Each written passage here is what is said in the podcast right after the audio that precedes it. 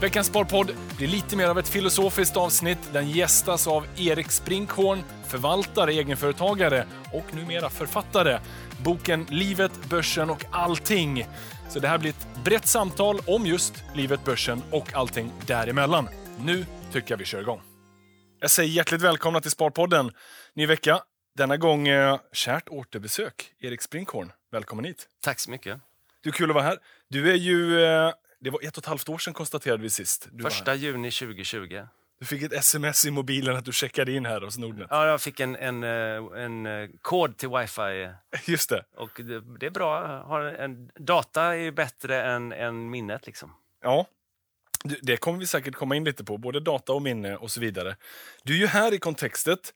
Eller så här, om jag vill introducera dig så skulle jag säga att du eh, många kanske känner dig som eller, eh, förvaltare, Ja. alltså förvaltare av TIN-fonder, men du är också egenföretagare. Ni har ju startat TIN-fonder Just det. och driver det där. Numera är du dessutom författare.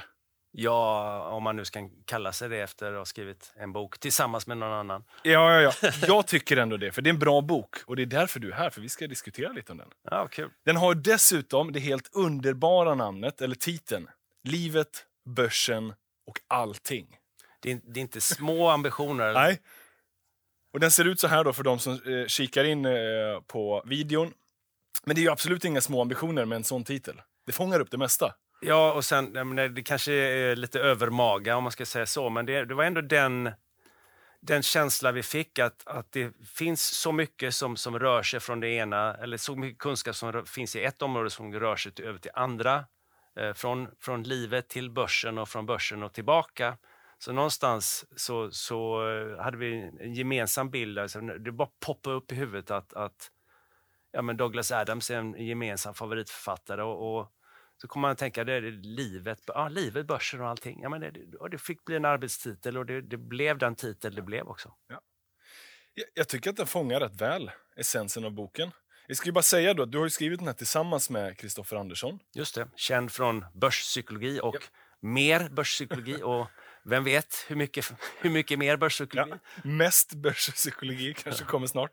Och, det, nej, men, och det i sig, det är ju ett, ett behavior of finance med, med utrikiska då, det är ju ett, ett alldeles centralt område inom investeringar. Och måste jag säga någonting som jag inte fick med mig eh, från, från början.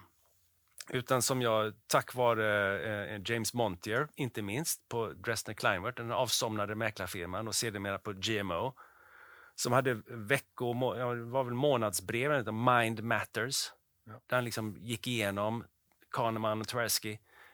Det var ju, så jag kallar det mitten i min karriär som jag verkligen kunde börja nörda ner mig. Så att jag tycker Kristoffer har gjort ett fantastiskt jobb att i många, många investerare får det där mycket tidigare i sina karriärer än vad jag fick personligen. Jag, jag kan bara instämma. Det, det är två väldigt bra böcker som eh, på ett enkelt, övergripligt men ändå också väldigt praktiskt sätt förklarar olika tendenser som vi människor har. Vår hjärna. Våra bias. Våra bias, eller ja, heuristics. Ja. Tankevurpor om man så vill. Inte alltid vurpor, men... men heuristics kan ju vara bra också. Ja. Det, och det, det, är väl, det, det har vi med i boken. Att min, min känsla av, av eh, ökad kunskap inom, inom börspsykologi är ju lite grann som har fått beskrivet att känslan av att åka förarlös bil. Mm. Alltså, först blir man förfärad, det här kommer aldrig gå. Ja. Och sen blir man förtjust, "Ja, fan det funkar ju. Ja. och till sist blir man uttråkad. För det går ju så långsamt och tryggt. Ja. Och likadant, menar, när man väl fattar lite mer om, om alla mänskliga felslut och mönsterigenkänning och, och alla fallacies som finns, då blir man förskräckt. Det här kan inte få fortsätta. Sen blir man beslutsam, nu måste jag göra någonting åt det. Jag, ska minsann vara bättre än snittet på det här. Till slut så bara får man konstatera att vissa grejer är liksom hårdkodade i huvudet. Då får man hitta strategier, jobba runt det. Och liksom, vissa av de här sakerna, heuristics, är ju nyttiga. Och då får man liksom låsa fast vid dem och försöka skapa sig en värld där man inte är inte så påverkad av Ja. de här mentala fallgroparna. Kahneman säger väl det bäst själv. Han är ju den som har studerat de här kanske allra mest. Och när han fick frågan huruvida han är immun mot dem så är ju svaret rungande nej. Utan han är människa precis som oss alla andra. Men är man medveten om dem så är det ju lättare att hantera dem, men man blir aldrig immun. Ja, det, nej, nej. Och, men möjligen då så kan en, en, en kaneman som har tänkt på det här i hela sitt liv stanna upp och säga nu är jag inne i endowment bias. Ja. Vad intressant. Nu kan jag plocka upp den här känslan och så kan jag värdera det här. Och så plötsligt så vaknar den rationella hjärnan och så kan man, ja, nej, men jag kanske inte ska göra si eller så nu, utan jag kanske ska välja den här vägen istället. Tänker du själv så? Kan du, kan du hitta dig själv? Någon gång, Ja. absolut. Men det, det är ju någonstans så- är eh, eh, ofta går det ju fortare än att, att man hinner koppla på system 2, men, men eh, det man blir ändå, jag, jag känner ändå att jag blir lite, lite grann bättre på det hela tiden. Ja, ja. Jag, jag måste väl själv säga att jag också blir bättre på det, men jag är fortfarande så många gånger... Det är lättare i efterhand sen, när man kan se tillbaka på situationen. Då kan man konstatera, ah just det, där kanske jag liksom lät system 1 ta över lite för mycket. Försök påminna mig själv nästa gång. Inte vara lika snabb till att komma till en slutsats. Eller vad det nu än var. Man blir, man, eh, man blir aldrig färdigläst eller färdiglärd. Och det är det fina tycker jag. Då. Ja. Det är som investeringar, det är som ett dataspel som aldrig blir klart. Ja. Och det är ett dataspel som du har spelat ett tag och, och fortfarande gillar, så att säga. Ja, det är oändligt återspelningsbart. Ja. Det, det enda som kommer i närheten det är ju schack. För det, där finns det fler kombinationer än det finns atomer i hela universum. Så det, det är också oändligt återspelningsbart. Ja. Även om du känner igen vissa mönster. Så jag tycker det är också en, en, en bra metafor för investeringar. Just det. Vad är Erik Springhorns intressen? Är det schack, börs, läsa, Träning, Lära sig. träning familj, träning också? Ja. Resor, Ja. allt möjligt. Jag menar, det, det är... eh, inte helt endimensionell, men ganska, ganska aktienördig, investeringsnördig. Så. Det märks och det är, det är jättekul. Och det är därför jag har haft förmånen att få podda med det här. Eh, både tidigare och den här gången också. Men om vi ska gå in på boken lite. Mm. Eh, när, när beslöt du dig för att skriva en bok? Var det en självklarhet? Har det suget funnits? Nej, så, ja, det, det, går ju tillbaka till Kristoffer och, och hans tidigare böcker. Jag var lite spökläsare på, på nummer två då. Mer börspsykologi och, och uh, sedermera så uh, kontaktade han mig och, med idén att vi skulle skriva en bok ihop. Vilket ju Vad var tanken då? sågs, jag såg som en omöjlighet i det läget. För jag menar, eh, jag har ju, som du säger, då, jag är entreprenör och driver bolag och, och försöker lägga absoluta majoriteten på min, av min energi på, på fonderna jag förvaltar. Men någonstans, det finns ju jag, menar, jag är inte fotbollstränare eller handbollstränare längre. Det finns ju ändå ett tidsutrymme kanske om man strukturerar sin vardag. Så det, det, jag var ganska motsträvig, men, men eh, du känner ju Kristoffer, han, är- han ger ju sig inte. Nej.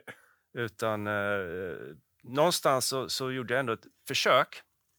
Jag har inte skrivit några långa texter tidigare, men det, det har ändå funnits i bakhuvudet att någon gång kanske man ska testa på att skriva en bok. Men det, det, det har aldrig känts realistiskt. Men med den här externa kraften som kom in i, i, i processen så, så blev det faktiskt möjligt att eh, sätta av, blocka av eh, i kalendern Du kan, du kan- blocka av och säga fotbollsträning, men du kan lika gärna bocka av och skriva bok. Ja. Och Det betyder inte att du omedelbart börjar skriva saker, utan kan ju sit, sitta där och bara vara helt ha torka, men så börjar du fundera och det- börjar hän- mala processer. På någonstans, så, om du bara har den här ded, dedikerade tiden, så börjar det hända saker. Var det en njutsam process eller var det en plågsam process? Lite av både och, men, men fram, mer njutbart än plågsamt tycker Ja. jag. För det är ändå eh, väldigt, väldigt kul och, och inte minst när man hittar de här kopplingarna mell, mellan börsen, livet, livet, börsen. Eh, och, och lite grann, det är ju Mungers eh, egentligen eh, idé eller hans tankesätt är att, att vara multidisciplinär. Att hitta de här låna från biologin, in i psykologin eller in i, eh, in, in i investeringar. Det är ett väldigt användbart sätt att tänka. Nej, jag, jag, är också, jag gillar böcker otroligt mycket och jag gillar att läsa. Och ibland när man hör till författare så känns det som att processen upplevs som så plågsam. Men att den kanske behöver vara det för att tvinga sig fram. Men det, Man lite, kanske här, ska- ja, men det är lite pretentiöst, nu, dessa födsloverkar som man har. Ja, det är kanske det. Frambringa detta mästerverk.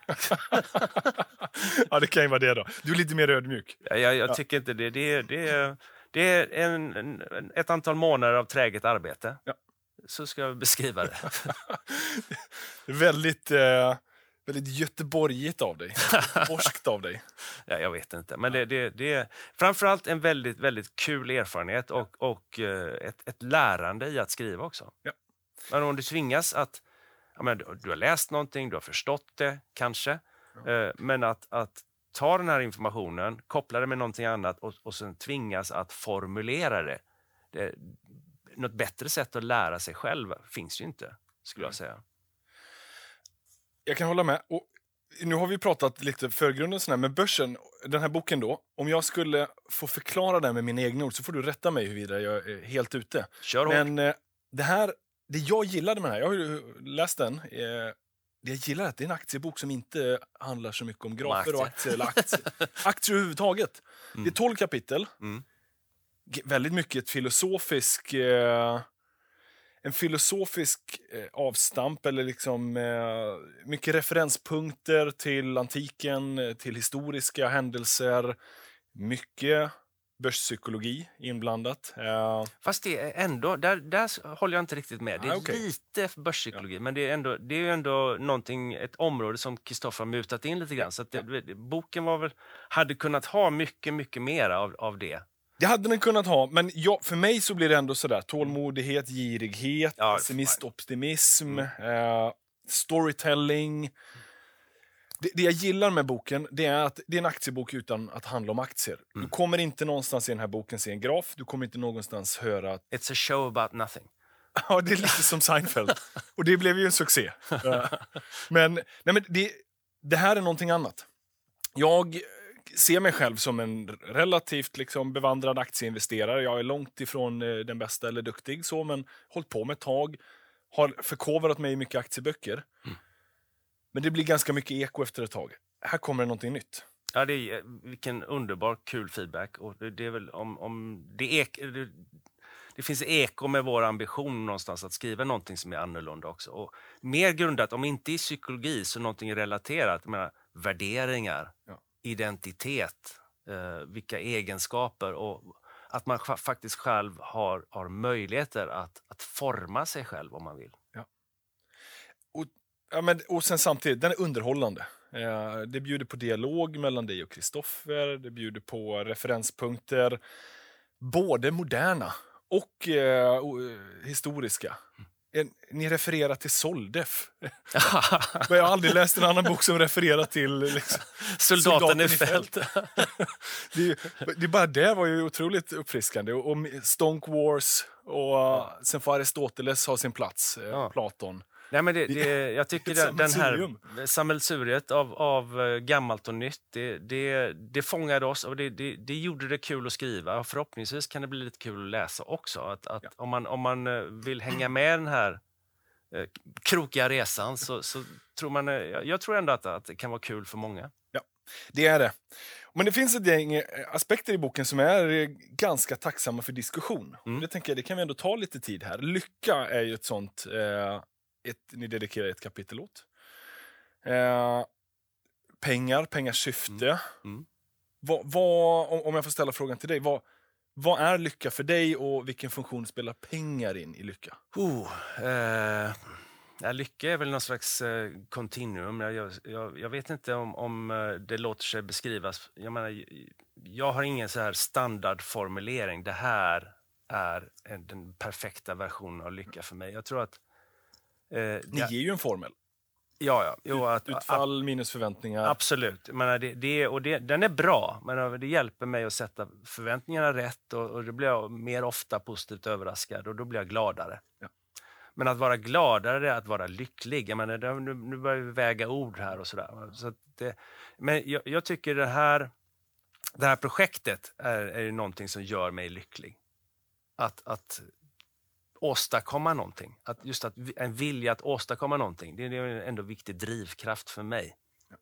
Och, och, om vi, tar, om vi kopplar det till, till vad TIN Fonder står för, vad, vad vi har, gör som investerare, det är sådär, inte endast, inte bara att försöka maximera avkastning, utan vi har också, vilket jag är väldigt glad för, en, identifierat ett behov av någon som ändå slåss för att digitala bolag, framtidens champions, ska bli kvar här och att gå på börs och, och eh, skapa, använda det som plott, plattform till, för tillväxt.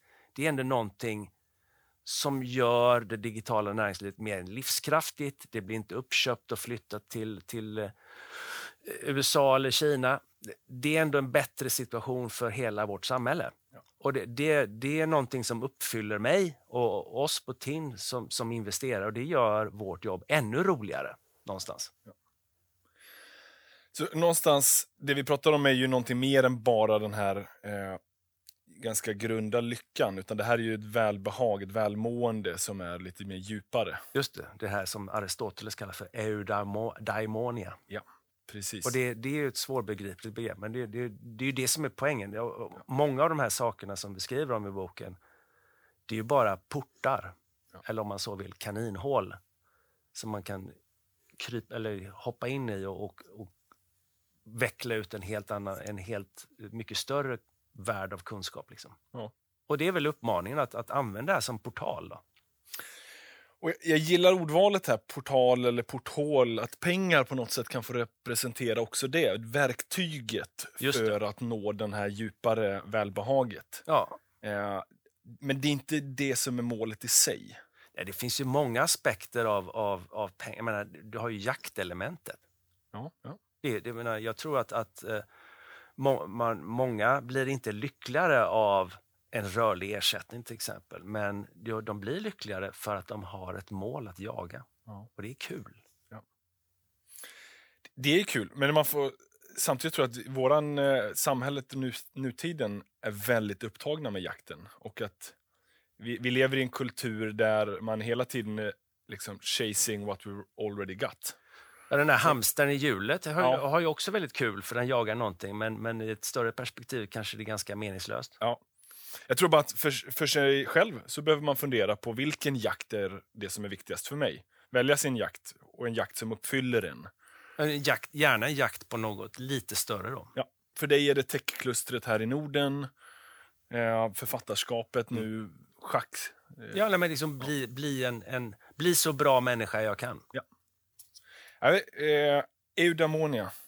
Det är lycka, eh, med djup i lyckan, välbehag. Det är kul att vi stannar upp vid det, vid det som vi identifierar som en, en positiv aspekt med Aristoteles, för han, han, får ju ganska mycket pisk i övrigt. I, ja, men det får han. Ni är, inte, ni är absolut inte rädda i boken att ge lite pisk. Buffett får lite pisk också. Ja, jag skulle inte kalla det pisk. Det, det är bara, jag tycker bara det är intressant att ställa upp. Men Buffett är med rätta en väldigt hyllad ja. person och investerare. Och, och han blir ofta citerad. Han är en otrolig citatmaskin. Och det, det är väldigt, men någonstans så kan det vara intressant då. Det, det, det kan bli lite frik, friktionigt sådär att, att man, ja men det här är en alternativ bild. Ja. Var det verkligen Rick Guerin som var girig? som är den allmänna bilden. Som, någonting som, som eh, Buffett gärna odlar. Ja. Att han är en hyvens prick. Som, men utnyttjar inte Buffett Guerins ja. trångmål för sin egen girighets skull. Det, det går... Finns det belägg för det här? Jag har ingen aning. Jag är alldeles, uh... Men det är därför vi skriver mockumentary. Ja. Ingen, ingen, jag, det här är ju nästan 50 år sedan och ja. ingen vet vad som rörde sig i huvudena på, på, på, på de där individerna och, och vad, vilka möten som ägde rum och som vad som exakt hände. Men den där historien, många är intresserade av att, att, att gräva ner sig i den här djupa historien och, och gör man det så lo and behold, då kan man hitta en, en, en, en variant som ser ut så här. Ja. För, för kontext då för lyssnarna, så eh, Buffett är ju ett välkänt namn och så har han sin parhäst Charlie Munger. Båda som sagt väldigt hyllade, med all rätt. Eh... Sen har vi den bortglömde tredje delägaren ja. i, i, Berkshire Hathaway. Ja, Rick Gerin, eller hur uttalar man det? Gerin, tror jag. Gerin, ja. Som, som dog eh, 95 år gammal, någonting, eh, väldigt rik, väldigt lycklig, omgiven av en stor familj. så inte, inte alls eh, utblottad och, och bortglömd, eh, utan en, en, en framstående medlem av samhället i Kalifornien. Uh, och så den, den, men han, han upp, njöt uppenbarligen av att inte vara i uppmärksamheten. Ja. Uh, och sett över hela sin karriär och hela det partnerskap, då, proto-hedgefond som han hade tillsammans med Charlie Munger, samtidigt som Munger jobbade med Buffett. Det var ju fantastiskt framgångsrikt. Ja. Och någonstans, eh, historien som den återberättas då är ju att eh, han tog för mycket belåning. De alla tre fick sig Berkshire Hathaway, köpte till sig Berkshire Hathaway som nu är det här framgångssagan vi känner den idag. Men att Rick då med belåning eh, hamnade i knipa där Buffett räddade honom eller köpte ut honom. Nej, nej, det, är ju Buffetts version av det. det, det. Jag vet inte vad Buffetts version exakt är. Om, om han var bara ja, it's a guy who got greedy. And look what happened to him. Liksom. Påminnelsen Buffett vill skicka med är att belåning kan göra det här med dig. Och den, den lärdomen, den, den håller jag verkligen med om. Att, att eh, är det någonting man ska göra med risktillgångar är att, att använda eget kapital och inte belåna sig. Ja. Även om det är väldigt populärt. Så det, det, finns, eh, det finns ju sanningar där och Buffett och Munger de får mycket hyllning i boken. Men jag tyckte det var lite underhållande. Att det också kan få komma in en mockumentary, en alternativ ja, ja, historia. Absolut. Och, och, alternativ om, om, om jag var tvungen att välja bland de två, då skulle jag ju föredra Munger varje dag i veckan. Ändå. Varför det? Nej, men eh, en, en, jag tycker ändå han har en, en, en större repertoar och en, en, en större visdom. Och inte bara de här förnumstiga citaten. För vad kan du göra med det här, alltså, be greedy when others are fearful uh, and vice versa? Ja, men det är ju en truism. Ja. Men det säger ingenting om hur du ska bete dig för att göra det. Ja, just det. Och, och Mungers hur är ju att se till att ha en multidisciplinär approach. Bland annat. Och, och ständ, ständigt försöka lära. Ja. Eh, två stora eh, framförallt då Munger, en stor tänkare som jag ser har påverkat det ganska mycket. Man får ju en del eh, citat, man får en del eh, återberättelser från honom. Eh, Just det. när kom du först i kontakt med Buffett och Munger? Ja, men det gör man ju ganska tidigt när man börjar med investeringar. Någonstans. Jag, jag, men sen, jag, jag, kan inte påstå att jag har uh, varit en stor uh, aficionado av, av uh, Buffett och Munger så att jag läst allt jag kommit över. Eh, men utan, eh, igen, jag kanske har omedvetet följt Mungers råd då, att, att titta bredare ja. och inte nörda ner på, på ett ställe. Liksom. Ja. Och, och, det är nog, det är ju en multidisciplinär approach i sig bara. Jag, jag själv finner mig ibland att jag eh, fortsätter att läsa. Jag har nog läst för många böcker om båda två. Uh, där det blir ett eko till slut. Jo, men det, det är kul samtidigt. Ja. För det, det, det, är roligt att läsa. De har ju en fantastisk historia och de, de har dessutom vårdat den där berättelsen väldigt väl. Ja. Vilket är också intressant att, att alla historier som vi berättar för andra, för oss själva och hur man, hur man kan faktiskt ändra historien genom att skapa, alltså tweaka den och, och, och, kan du tweaka historien så kan du också tweaka framtiden. Och där är ju ett kapitel i sig, storytelling, mm. dedikerar ni ju. För det är en otroligt viktig del för oss investerare. Att förstå vilken story en aktie har Egentligen är det två kapitel som är dedikerade till, till, storytelling i och med att du har dels storytelling i sig, och människan som är det, det, det historieberättande djuret. Men sen har du då ett, ett eh, kap, senare kapitel om historien. Och historien eh, påverkas av de historier vi berättar. Ah. Så att, det, att, att hur man kan styra framtiden i, i um, Orwells eh, bemärkelse. Den som kontrollerar historien kontrollerar framtiden. Ja. Och den som kontrollerar nuet kontrollerar historien. Och för mig, när jag läste de här kapitlerna, eh, dels så tar jag med mig att man kan se på historien med olika glasögon. Det, det vill ni ju eh, åskådliggöra genom att studera de senaste hundra åren och sen blicka mm. ut fem år, 50 eller 40 år i, framåt i tiden. Och att man kan konstatera att fakta finns, men man kan eh, tolka orsakerna bakom det där på lite olika sätt. Mm. Och eh, än en gång, vinnarna skriver historien, det är det som blir sen sanningen. Mm. Men att man gör sig nog en björntjänst om man bara köper historien rakt av. Men man gör sig också en björntjänst om man inte eh, studerar historien, utan man behöver ha kontextet, men hela tiden försöka se kontextet ur olika synvinklar för att inte bli för fast vid ett spår. Och då kan man ju använda sig av den här fina frågan som vi formulerar i boken, Cui bono. Ja. Vem tjänar på att historien är skriven på det här sättet? Det, och det, det, det, om man överanvänder frågan som är otroligt skarp och bra um, så kanske man blir en cyniker till slut. Ja, det är sant. Men, men eh, med viss eh, rationell skepticism kan man, liksom, kan man använda den vid särskilda tillfällen. Ja. Då, och då, då är den väldigt avslöjande. Och, och, den frågan är ju även bra att använda då i ett nutida kontext där storytelling också är jätteviktigt. Mm. Uh, att, uh, att, det finns ju hela tiden stories och man investerar efter en story. Varför man tror att det här bolaget ska ta sig till den höjden som de utlovar. Mm. Och då måste man än en gång fundera på vem tjänar på det? Vilka incitament finns det? Det går ju att applicera på varenda budskap du hör från alla olika kanaler. Ja. Ja, vem tjänar på det här då? Ja. Att jag hör detta? Ja. Eller ser det, eller läser detta? Att man sitter och lyssnar på den här Sparpodden, ja. Ja, vem, vem tjänar på det här? ja. ja uppenbarligen så har jag ett intresse av att, att boken blir läst. Men det tror jag å andra sidan är, jag är lite skin in the game, vilket är en viktig parameter att kontra ja. qui bono. Ja.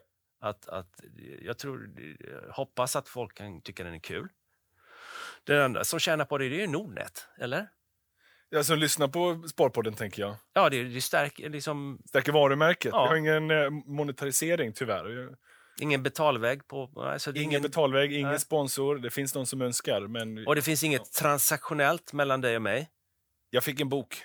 Ja, du fick en bok. Så ja. det, har, det har du tjänat på, på det sättet? Det har jag. Ja. Och jag fick mycket kunskap, vilket jag tackar för. Ja, men ja, då, då, kanske, det, då kanske det är en okej... Okay, ja. Cui bono-situationen kanske är okej okay då? Jag skulle nog säga det. Och jag vill gärna dela med mig av den kunskapen, så därför jag också bjöd in dig för att ja. berätta mer om det. Så att det kanske finns någonting för alla att vinna då? Ja. Men det är en jättebra fråga att ställa. Mm. Storytelling, vem tjänar på det? Incitament och skin in the game. Mm. Här plockar du upp Munger igen. Mm. Uh, han slutar ju aldrig förvånas över incitament, hur viktiga de är som drivkrafter. Det är det som egentligen driver nutida historieutvecklingen. Vilka incitament, varför gör man saker? Exakt. Och, och se dem bortom de slöjor som ändå finns. Ja. Då, då, då öppnas ögonen för, för världen på ett helt annat ja, sätt. Ja.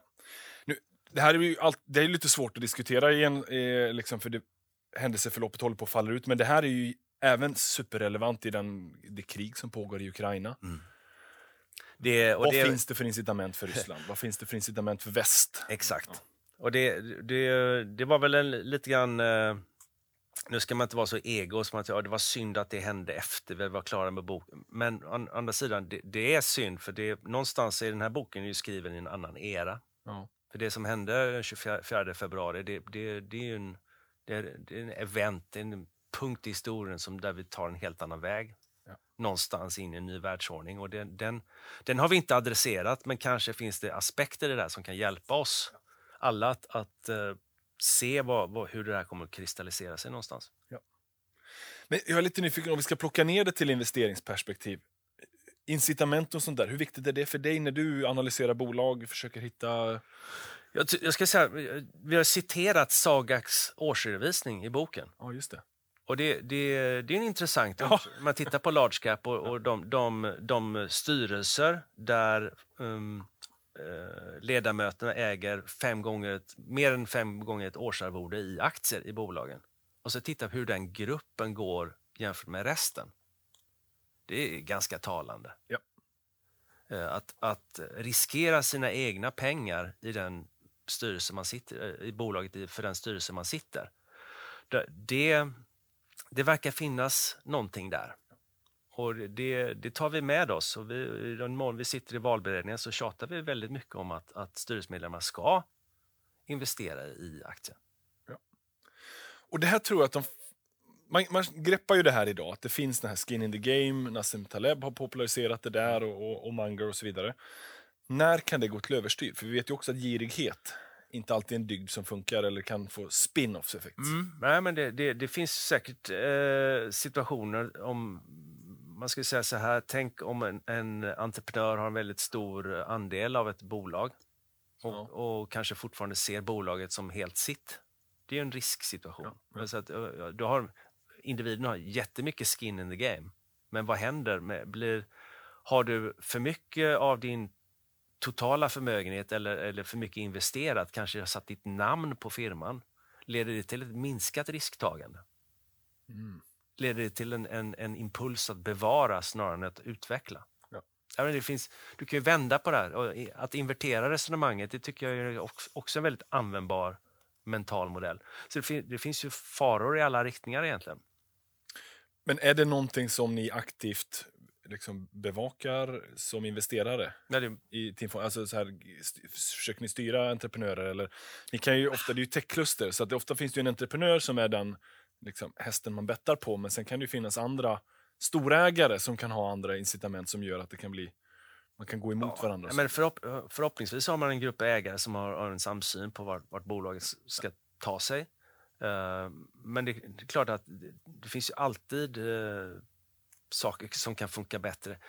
Normalt sett är det ändå så att, att ju fler eh, ju större andel av ett bolag som, som grundaren har vid, vid IPO, desto, desto bättre är det. Ja. Skulle jag säga. Det är så enkelt. Ja, det är en bra KPI, det är en bra heuristic. Ja. ja, men det är ett jättebra medskick. På tal om investeringar, en annan intressant debatt i boken, Mm. det är ju David och Goliat Just det. Som får illustrera aktiv versus passiv förvaltning. Ja, och där ska jag ju, alltså, eh, äras den som äras bör. Där har jag tagit eh, enorm inspiration av, av en man som heter Mike Green som har skrivit om det här. Det var han som först eh, illustrerade indexfonder som en, som en berusad jätte som raglar från sida till sida och driver marknaden upp och ner. Alltså passiva fonder som driver marknaden upp och ner på grund av att de helt enkelt bara agerar på flöden och inte på värderingar. Utan värderingen, priserna, de, de, det åker man ju snålskjuts på. Som de, för är ju, de är ju skapade, eh, priserna, priserna på tillgången är skapade av aktiva investerare. Och vi ska försöka reda ut lite där för lyssnarna. Och jag vill, jag vill ver- verkligen säga att det här är inte en, en nidskrift om indexfonder, utan om man, om man går tillbaka till ursprunget och, och tänker på vilka sökkostnader att, att hitta, men att skapa en egen portfölj är jättebesvärligt. Och jag som växte upp i en miljö innan det fanns indexfonder, om jag skulle skapa en, en, en, en portfölj på kanske mellan 15 och 50 bolag, det, det var en dy, väldigt dyrt att konstruera för mig som individ. Och så kommer det här, en, en, en automatiskt enkel och, och, och produkt som, som speglar börsen, som är diversifierad i sig själv. Det är väl jättebra. Ja. Och, och för, för, från första början, så ja, det skulle jag hålla med om. Att, och det, det, det är bra eld i baken på oss som är aktiva förvaltare, att försöka ändå visa att vi kan göra ett bättre jobb över tiden. Men när det, ursäkta, fenomenet växer och blir majoriteten av kapitalet på marknaden, då går det från att vara ett, ett en positiv blåslampa till att bli ett systemiskt problem. Mm. Då blir det jät, den berusade jätten som raglar fram och tillbaka. Ja. Det, det är poängen. Tror du att eh, en del av hela covid-kraschen, kan den eh, liksom här skrivas till det? För det du pratar om är ju Ja. att en indexfond, det är ju kapital, det bara köps. Det är fördefinierat vilka aktier, det spelar inte roll vilken värdering, utan det ska bara in så mycket procent i eh, Boliden och så mycket i SSAB och så mycket i... Och ju vidare. högre värderat ett bolag är, då ska man ha mer av det. Ja. Det är också en, en intressant aspekt. Och det går ju emot egentligen all typ av finansiell teori. Eh, Du borde Ja. ju någonstans fundera på priset, det är en faktor du betalar för.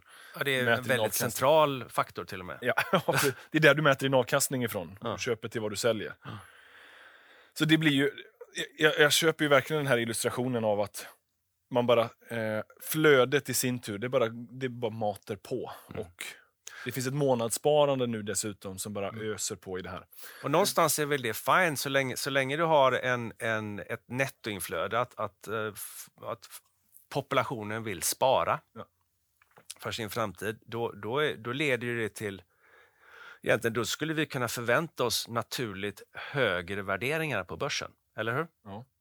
Men, och, och, men om de flödena då vänder, till, till exempel att vi, vi som samhälle blir gråare, alltså blir, blir äldre, då hamnar vi i en netto eh, utflödesposition någonstans. Ja, men då finns det ju ingen botten. Nej. Och, och någonstans så blir, kommer vi ha, eh, innan vi vet vad, vad, vad, vad, vi har för endgame på den frågan, så, så kommer vi se då att varenda gång vi har fluktuationer i sentiment, alltså att, att vi blir, precis som du var inne på med covid, att, att nu blir vi rädda. Då kommer du se en, en, en, ett kraftigare dropp. Mm. Och så sen när vi inte är rädda längre, då får du se en, en våldsam uppgång. Ja. Så det, det, det, det, det, är inte så att marknaden har saknat de här sakerna, sakerna tidigare. Alltså, vi har sett kraftiga kast. Det går inte att, att hävda att, att marknaden har varit rationell historiskt. Nej. Utan du har haft ganska våldsamma kast upp och ner. Men en, en, en positiv trend uppåt åt, åt, åt höger. Ja. Men addera då en allt större element av, av passiva fonder som styr var, flö, eller, vart flödena går. Eller, mm, då, då, blir de svängningarna troligen större framöver och jag köper, och hela den här analogin då med Goliat eh, förstår man ju då vad du menar och den här berusade jätten. På vilket sätt är aktiv förvaltning då David? Ja, David får ju, eh, som, som försöker hjälpa den här berusade jätten hem då, försöker hålla honom mitt i vägen. Ja. Det ju, får ju illustrera aktiva investerares, både förvaltare och privatpersoner, som ändå har en åsikt om och en kollektiv visdom kring var priser ska vara någonstans. Så det är den. Och, och och att idag då är ett större kapital i, i Goliat, så därmed jätten. Liksom. Om man tar det här argumentet in extremis då, så om, om 95% blir passiva fonder, då kan ju liksom S&P eller aktiemarknaden gå 5000 gånger. Och ja. snitt PE på en miljon. Nej, men liksom, ja, ja, ja. Nej, men jag fattar. Det är, eh, det är så det jag gillar med det här, jag har inte själv en bestämd uppfattning om varken aktiva eller passiva fonder. Utan jag, jag, så här, det du säger är ju också att det finns en plats för passiv, de här passiva fonderna. Innan historien hade vi inte dem, då var det svårt att bygga en mm. portfölj. Mm. Här har vi en möjlighet. Nu får vi en systemrisk för att de är för stora. Mm. Den, den eh, lyssnaren kanske också kan se att ja, men aktiva fonder då, de har ju som kollektiv underpresterat. Det är det Kristoffer i er dialog i boken ja. också vill påpeka. Och det, det är ju, så är det ju. Det är en ja. turism. Om vi har en, en, en, en marknad där folk kämpar lite grann mot varandra som kollektiv då, så, så kommer snittet på grund av helt mekaniskt på grund av avgifterna att gå sämre än marknaden. Ja. Det är, snittavkastningen är kostnaden för att skapa portföljen. Ja. Okej, okay, då finns det ett sätt att skapa den billigare indexfonden. Då, är, då kommer på snittet att vara högre för indexfonden. Ja. Men fortfarande en underavkastning? Ja, det finns en avgift? Ja, absolut. Och det kostar ju någonting. Ja. Du kan inte få den fulla indexavkastningen ja. gratis. Det går inte. Även om det finns gratisfonder så är det... För det kommer alltid en kostnad någonstans. Någonstans blir konstruktionen eh, kostar någonting. Så att allting har ett pris. Ja. Men jag tror, alltså, det är klart att, att eh, det är väl, kalla det, om, om det är en bra start, boom, då har du en diversifiering. Okej, okay, skönt. Ja. Då, då, ovanpå det, vad kan jag göra mer än det? Ja. Kan jag välja en aktiv fond? Kan jag investera i några bolag själv ja. som jag gillar? Kan jag bli, och om jag intresserar mig och börjar investera i ett par bolag, kanske med tryggheten från en, en diversifierad portfölj und, med mig i ryggen, ja men då kanske jag börjar studera det här och börja lära mig saker och plötsligt ser man, har man en väldigt produktiv och trevlig hobby. Ja, ja. se där. Nej, men, eh, verkligen. Och Det var därför jag skulle komma till att eh, jag personligen har ingen bestämd uppfattning vilken är bättre. För den, det är en fråga som jag kanske tänker mig att lyssnaren har i huvudet. Så här, eh, Okej, okay, passiva är så systematiskt dåliga. Är aktiva bättre? Aktiva är för mig en option på en överavkastning, men inte en garanti. Som du mm. konstaterar så är systemet i sig, eh, avkastningen blir ju genomsnitt efter avgiften mm. för hela kollektivet. Absolut. Och optionen, det, den, det, det, så är det ju. Man har en option på att, att, att, du har en förvaltare som kan göra lite bättre ifrån sig. Då. Ja. Men det haltar lite grann, för en, en option där har du bara uppsida. Men det finns Ja, det är sant. Men det ja, finns kostar också, ju premien, men visst. ja, men, men premien är ändå bestämd. Ja. Förvaltaren kan ju gå, även aktiv förvaltare kan ju gå precis hur dåligt som helst. Ja. Så det, det, är, det är mer som en likt en termin. Ja, det är det väl. Att det kan både gå uppåt eller neråt. Ja, så så, men du har ändå möjlighet att, eh, att, att skapa något, någonting enastående om, om, om du är dedikerad som, som aktiv förvaltare. Men jag vill ändå också säga, Quebono. Mm. Du jobbar på en aktiv förvaltare, så det är ju någon som Ja. kommer att säga att det, det finns ett incitament här. Eller det finns en... Absolut. men, Och- men det jag gillar ändå är att indexfonder får ju väldigt mycket hyllning. I, ibland med rätt, men ibland inte med all rätt. Och det är det jag kan tycka är lite friskt här, att det finns faktiskt ibland ett problem med indexfonder. Och man ska inte vara riktigt så naiv och tro att gratis eh, Är gott. allt är gott. Ja, men ibland kan det vara gott, men ibland kan det smaka på ett annat ställe som du inte ser. Ja. Som Google, det är gratis att använda, men på något sätt tjänar de väldigt mycket pengar. Så att, På just ditt användande, ja. ja. Vad skulle du vara beredd att betala för Google som tjänst per år? Om du slapp att bli utnyttjad? Ja, nej, men så här. 99 kronor i månaden, 200 kronor i månaden. Men det skulle jag ju aldrig få. Det skulle inte vara i närheten. Av deras eh, lönsamhet? Nej. Nej, 100 000 per år? nej, nej. För att Ja, kanske. I, okej. Alltså, alltså betalnings... Det är intressant att söka efter den Ja, här punkten för betalningsviljan. Vad är det värt för dig?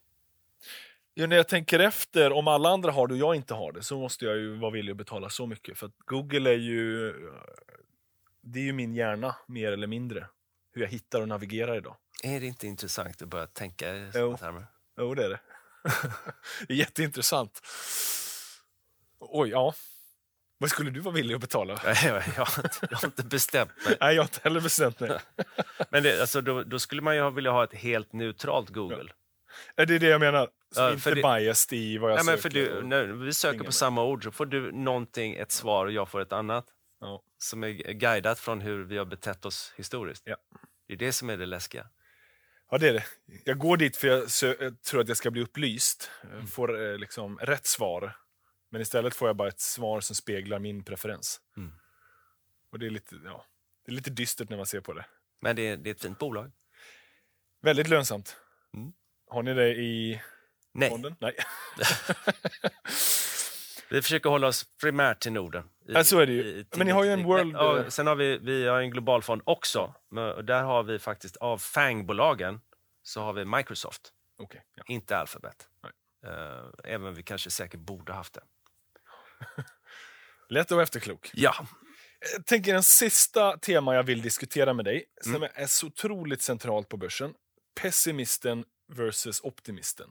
yes. Det är ett helt underbart kapitel ni dedikerar till det här. Det är ett av de sista, eller faktiskt det sista kanske.